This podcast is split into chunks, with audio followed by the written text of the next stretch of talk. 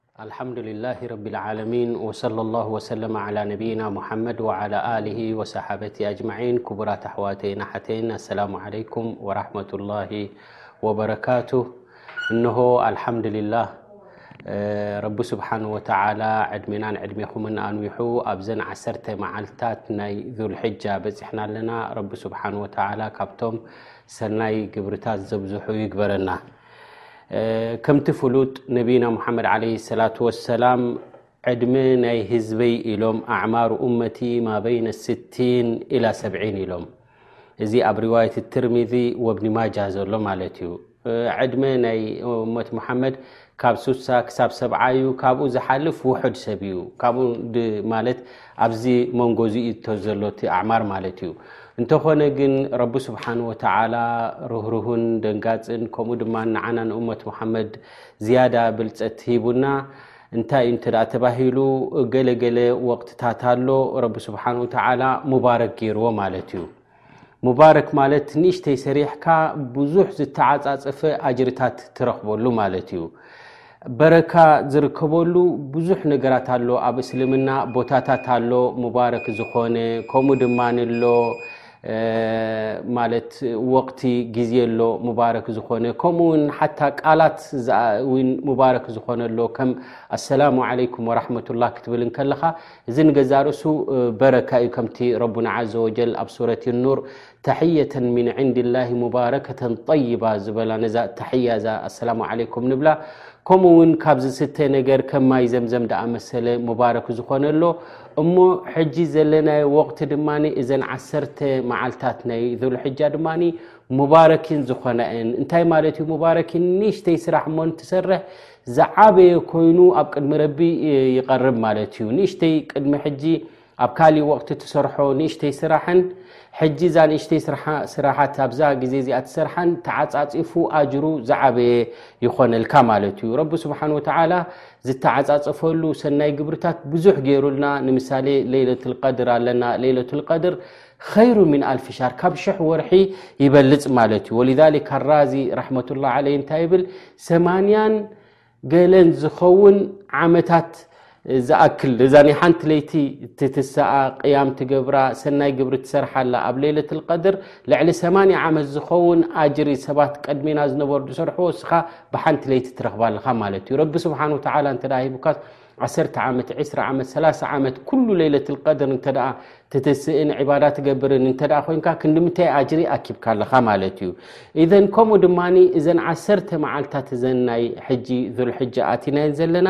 ብሉፃት ምሩፃት ኣብ ቁርን ስብሓን ወተላ ረቢ ስብሓን ተላ በቲ ብልፀት ናተን ክብረት ናተን ልዑል ስለ ዝኾነ ብአን ከይተረፈ ምሒሉ ማለት እዩ ረና ዘ ወጀል ኣብ ሱረት ፈጅር ወልፈጅር ወለያሊን ዓሽር ኢሉ እዘ ለያሊን ዓሽር እብኒ ከር ራሕመቱላ ለይ እንታይ ይብል ኣልሙራዱ ብሃ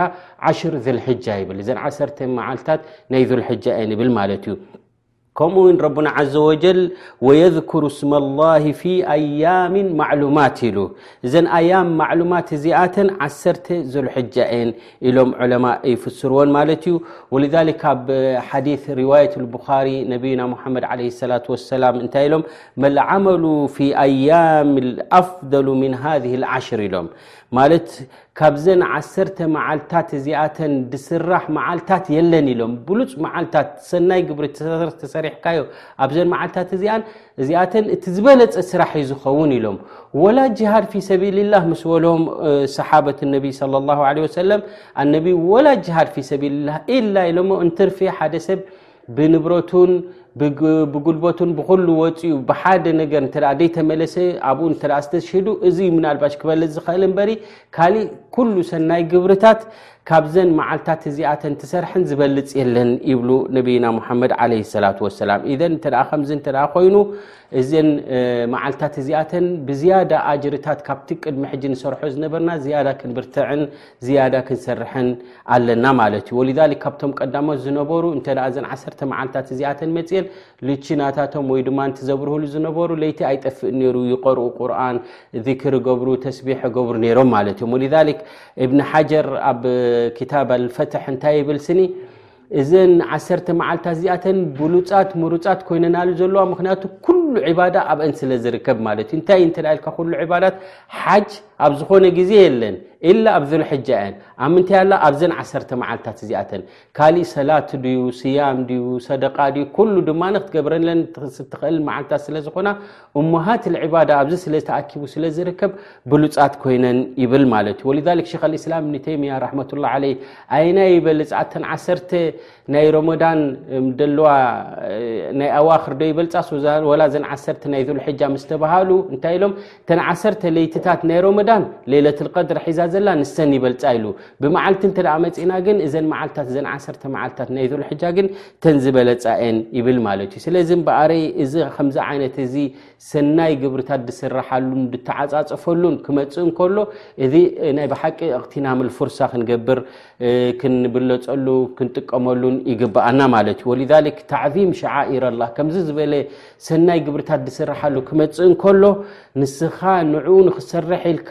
ክትህቅንን ንያ ክትገብርን ናብኡ ክትብገስን ከለኻን እዚ ሓደ ካብቲ ምልክት ናይ ኢማን እዩ ذ ረና ዘ ወ ኣብ ሱረት ሓጅ መበል 32 ኣያ እንታይ ይብል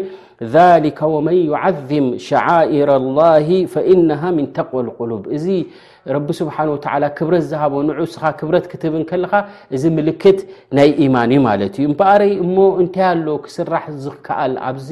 መዓልታ እዚኣተንሲ እንታይ ክንሰርሕ ትምዕደና ወይ እንታይ ክንሰርሕ ኣለና ኢልና እተ ንንሕድሕድና እተ ክንመዓድ እተ ኮይና ብዙሕ ሰናይ ግብርታት እዩ ደሎ ሓደ ካብኡ ኣወለን ቶባ ንብል ማለት እዩ ቶባ ኣብ ኩላ ግዜ ኣብ ነፍሰ ወከብ ኣብ ዝኾነ ይኹን ግዜን ቦታን ቶባ ከነቋርፅ የብልናን ብዝያዳ ድማ ከምዚ ዝበለ ብሉፅ ግዜታት ክመፅ ከሎ ቶባ ኢልካ ጉድለትካ ዝነበረካ ናብ ረቢ ስብሓን ወተዓላ ተጣዒስካ ሕጂ ንፅቡቕ ስራሓት ንክሰርሕ ምህቃን ማለት እዩ ካሊእ ዝኾነ ይኹን ዓመል ር ዝበሃል ዓመል ሳልሕ ዝበሃል ኣብዘን መዓልታት እዚኣተን ተብዛሐን ማለት እዩ ኣብ ካሊእ ግዜ ስብሓን ላ ትብላ ኣብዚ ግዜ ዚ ስብሓን ላ ትብሎን ብፍልልያ ኣለዎ ማለት እዩ ዝያዳ በልፀት እዩ ዘለዎ ማለት እዩ ከምኡ ከምቲ ኩላ ግዜ ክንገብሮ ዘለና ብዝያዳ እውን ኣብዚ መዓልታት እዚ ካብቲ ኣማል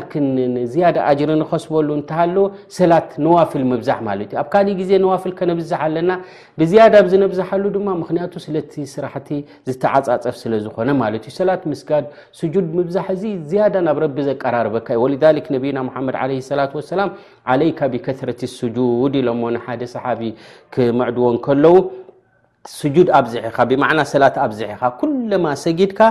ኩለማ ስጁድ ጌርካ ረቢ ስብሓን ወተላ በዚ ስጁድ ዝገበርካዮ ደረጃኻ ሓፍ የብለልካ ዘንብኻ እውን ዘቕፍረልካ ይብሉ እዚ ኣብ ርዋየት ሙስሊም ዝርከብ ሓዲ ማለት እዩ ከምኡ እውን ኣብዘን መዓልታት እዚኣተን ስያም ነብዝሕ ማለት እዩ ስያም ተኽኢልካ ብምሉእ ዓሰርቲኡ እንተጸምካዮ ውን ጽቡቕ ላኪን ብዝያዳ ተገዳስነት ገይርና ከነሕልፋ ዘይብልና እታ ውቁፍ ብዓረፋ ሑጃጅ ኣብ ዓረፋ ዝውዕልሉ ታሽዓይ መዓልቲ ቅድሚ ዒድ ሓንቲ መዓልቲ ዘላ እዚኣ ንጾማ ማለት እዩ እዚኣ እንድሕር ጸይምካያ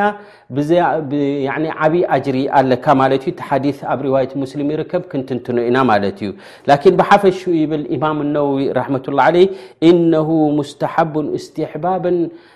ስያም ኣብዚ መዓልታት እዚ ክትፀውም ፍቱው እዩ ይብል ላኪን እስትሕባብ ሸዲድ ዝያዳ ፍቱው ዝኾነ ላኪን ናይ የውም ዓረፋ ይብል ምክንያቱ ኣነቢ ለ ሰላት ወሰላም እንታይ ኢሎም ስያሙ የውም ዓረፋ ኣሕተሲቡ ዓላ ላ ኣን ዩከፍረ ሰነተ ለቲ ቀብለሁ ወለቲ ባዕደሁ ኢሎም ናይዛ ሓንቲ መዓልቲ እዚኣ ትፀውማ መዓልቲ ስኒ ናይ ዝሓለፈን ናይ ዝመፅእን ዘንብኻ ረቢ ስብሓን ወተላ ይቕፍረልካ እዚ ዓብ ዓብ ዓብይ ኣጅሪ ዘለዎ ጉዳይ ስለ ዝኾነ ነዚ ክንሰርሕ ማለት ክንብገስ ኣለና ማለት እዩ እንተ ክኢልካ ኣብዚ ወርሒ እዚ ወይ ኣብዘን ዓሰርተ መዓልታት ንሓጅ ንያ ምግባር ማለት እዩ ሓጅ ክትሕጅጅ ንከለኻ ዓብዪ ኣጅሪ እዩ ዘለዎ ከምቲ ኩላትና ንፈልጦ ወልሓጅ ልመብሩር ለይሰ ለሁ ጀዛ ኢለልጀና ኢሎም ፅሩይ ፅፉፍ ዝኾነ ጉድለት ዘይብሉ ሓጅ እንተ ፈፂሙ ሓደ ሰብ ጀዛእ ናቱ ጀና ይብሉ ኣነቢ ዓለ ሰላት ወሰላም ካሊእ ካብቲ ነብዝሖ ሰናይ ግብርታት ኣብዘን ቅነዚኣተን ኣብዘን ዓሰርተ መዓልቲ ተስቢሕ ስብሓን ላህ ኣልሓምዱልላህ ኣላሁ ኣክበር ላኢላሃ ኢላላ ዝብል ተብዝሕ ማለት እዩ ወልሊክ እብኒ ዑመር ኣብ ሓዲ እንታይ ይብል ማለት እዩ ፈኣክሩ ፊህና ምን ኣታህሊል ወተክቢር ወተሕሚድ ኢሉ ማለት ኣብዝሒኢኹም ታህሊል ላኢላሃ ኢላላህ ዝብል ኣላሁ ኣክበር ዝብል ኣልሓምዱሊላህ ዝብል እዚ ሕጂ እዚ ኣብቶም ቀዳሞት ዝነበሩ ሰለፉን ሳልሕ እዘን ዓሰርተ መዓልቲ እንተ ኣትየን ማለት እዩ ሕጂ ልክዕ ካብ ሰሉስ ማለት እዩ ካብ ሰሉስ ጀሚርካ ክሳብ ረቡዕ ዘሎ እታ ረቡዕ ትፅወመላ መዓልቲ ማለት እዩ እዘን እዚ መዓልታት እዚ ተስቢሕ ትገብረሉ ወልዛሊክ እብኒ ዑመር ይወፅእ ነይሩ ኣብ ሽውቅ ኣብ መንገዲ ኣላሁ ኣክበር ኣላሁ ኣክበር ኣላሁ ኣክበር ይብል ሰባት ድማ ንዑ ሰሚዖም ድማ ተክቢር ይገብሩ ነይሮም ዘን እዚ መዓልታት እዚ ናይ ተክቢር እዩ ማለት እዩ እዚ ተክቢር እዚ ክሳብ ሳልሳይ መዓልቲ ናይ ዒድ ደሎ ተክቢር ተብዝሕ ማለት እዩ እታ ሲቀት ተክቢር እታ ፍልጥቲ ዝኾነት ኣላ ኣክበር ኣላ ኣክበር ኣላ ኣክበር ከቢራ ትብል ወይ ድማ ኣላ ኣክበር ኣ ኣክበር ላኢላሃ ኢላ ላ ወላ ኣክበር ኣላ ኣክበር ወልላ ልሓምድ ትብል ወይ ድማ ኣላሁ ኣክበር ኣላሁ ኣክበር ኣላሁ ኣክበር ላኢላሃ ኢላላ ወላሁ ኣክበር ኣላሁ ኣክበር ወልላ ልሓምድ ትብል እዚ ከሉ ካብቲ ማለት ሰለፉነ ሳልሕ ደብዝሕዎ ዝነበሩ ተክቢራ እዩ ማለት እዩ ጠብዓ ኣብዚ መዓልታት እዚ ስያም ረቡዕ ምስ ውዓልና ማለት እዩ ሓሙስ ዒድ ይኸውን ኣሎ ረቡዕ ክትጸውም ናይ ክልተ ዓመት ዝኣክል ዘንብኻ ይቕፈረልካ ኢልና ከምኡ ካብቲ ዝዓበየ ኣብ ዒድ ማለት ዩ ዓብይ ተቀሩብ ናብ ረቢ ስብሓ ላ ዘቀራርበካ ስራሕ እንተሃለዎ እንታይ እተ ኢልካ ውድሕያ ምሕራድ ማለት ዩ ክእለት እተ ሂቡካ ረቢ ስብሓን ወተላ በጊዕ ድዩ ጤል ድዩ ግመል ድዩ ወይ ድማ ከብቲ ድዩ ሓሪድካ ትበልዕ ማለት እዩ እዚ ምሕራድ እዚ ዝያዳ ናብ ረቢ ስብሓን ወተላ ዘቀራርበካ እዩ ማለት እዩ ወ ነቢ ለ ላ ሰላም እንታይ ኢሎም ኣዕዘሙ ኣያም ንዳ ላ የውመ ናሕር ኢሎም እቲ ዝበለፀ መዓልቲ የውመ ናሕር ኢሎም ማ የውመ ልቀር የውመ ልቀር ድበሃል ኩላቶም እቶም ም ሓጅ ዝገበሩ ኣብ ሚና ኮፍ ድብልሉ መዓልቲ ኣብ ካልኣይ ዒድ ማለት እዩ እዚ እቲ ዝበለፀ መዓልታት ማለት እዩ እዘን ኣዕዘሙ ኣያም ዕንደ ላህ ዝበለፀ መዓልቲ ኣብ ቅድሚ ረቢ ዝበለፀት መዓልቲ ኣየነይቲ እያ እንተ ተባሂልካ ዒድ ኣልኣድሓ ማለት እዩ እዚ ኣብ ሪዋይቲ ኣብ ዳውድ ወነሳኢ ዝርከብ ማለት እዩ ከምኡ ድማ ዒድ ምስተባሃ ማለት ዒድ ሓሙስ ምዃኑ ተረጋጊፁ ኣሎ ሕጂ ዘጠራጥር የብልካን ረቡዕ ፀምና ኣለና ዒድ ምስ ኮነ ድማ ዝያዳ እስትዕዳድ ትገብር ናብ ሰላት ልዒድ ንክትከይድ ማለት እዩ ወ ኣንጊህካ ምካድ ድማ ናብ ሰላት እዚ ካብቲ ፍት እዩ ወ ኢማም ልቡኻሪ ራሕመትላ ዓለይ እንታይ ድብል ኣሎ ቲ ክታብ ናቱ ባብ ኣተብኪር ኢለ ልዒድ ማለት ናብ ሰላት ልዒድ ንምካድ ዝያዳ ኣንጊህካ ምካድ ዝብል ጠቂሱ ኣሎ ማለት እዩ ወ ነቢና ሓመድ ለ ላ ሰላም እንታይ ኢሎም ኣወሉ ማ ነብደኡ ብሂ ፊ የውምና ሃذ ኣንሰሊ ኢሎም እቲ መጀመርያ ንገብሮ ሎሚ ኢሎም ሰላት ኢሎም ብማዕና ካልእ ዝስራሕ የለን ኩሉ ነገራት ገዲፍካ ልብኻን ኩሉ ማለት ድልትካን ናብ ሰላት ልዒድ ክኸውን ኣለዎ ማለት እዩ ከምኡ ድማ ናብ ሰላት ልዒድ ክትከይድ ከለኻ ብሓደ መንገዲ ትኸይድ ክትምለስ ከለካ ድማ ብካሊእ መንገዲ ትምለስ ማለት እዩ ንሰላት ልዒድ ቅድሚ ምኻድካ ውን ተሓፂብካ ጨና ጌርካ ፀቢቕካ ክትከይድ እዚ ሓደ ካብቲ ፍቱው ዝኾነ እዩ ከምኡ ድማ እንተ ተኻኢሉ ሰባት ብሓንሳብ ኮይኖም ካብቲ ዝሓረድዎ ድዩ ወይ ውን ብሓንሳብ ተኣኪብካ ምብላዕ ድማ ሓደ ፍቱው ዝኾነ እዩ ወ ካብ መጅሙዕ ኣልፈታዋ ሸክ ልእስላም ምስተሓተተ ጀምዑ ናስ ልጣዓሚ ፊ ኣልዒደይን ወኣያም ተሽሪቅ ሱና ይብል ማለት እዩ ኣብ ክልተ ዒድ ዒድ ኣልፍጥር ዒድ ኣልኣድሓ ተኣኪብካ ብሓንሳብ ኮይንካ ክትበልዕ እዚ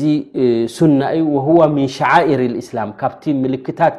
ክብረት ናይ እስልምና ሓደ እዩ ይብል ማለት እዩ እንተ ክትሓረድ ኮንካ ካብ ፅባሕ ጀሚርካ ካብ ሰሉስ ማለት እዩ ፅፍርኻ ይኹን ፀጉር ርእስኻ ይኹን ክትላፀይ ወይ ድማ ክትቆርፅ ፅፍርኻ የብልካን ልክዕ ከምቶም ሕጃጅ ከይዶም ማሕዙራት ልእሕራም ኣትዮም ዘለዉ ልክዕ ከምኡ ዓይነት ምስኣቶም ተሸቡህ ትገብር ማለት እዩ ምስ ሓረድካ ድሕሪ ዒድ ኢኻቲ ፅፍርኻን ከምኡ ድማ ፀጉርኻ ትሰድድ ማለት እዩ እዚ ሓደ ካብቲ ኣሕካም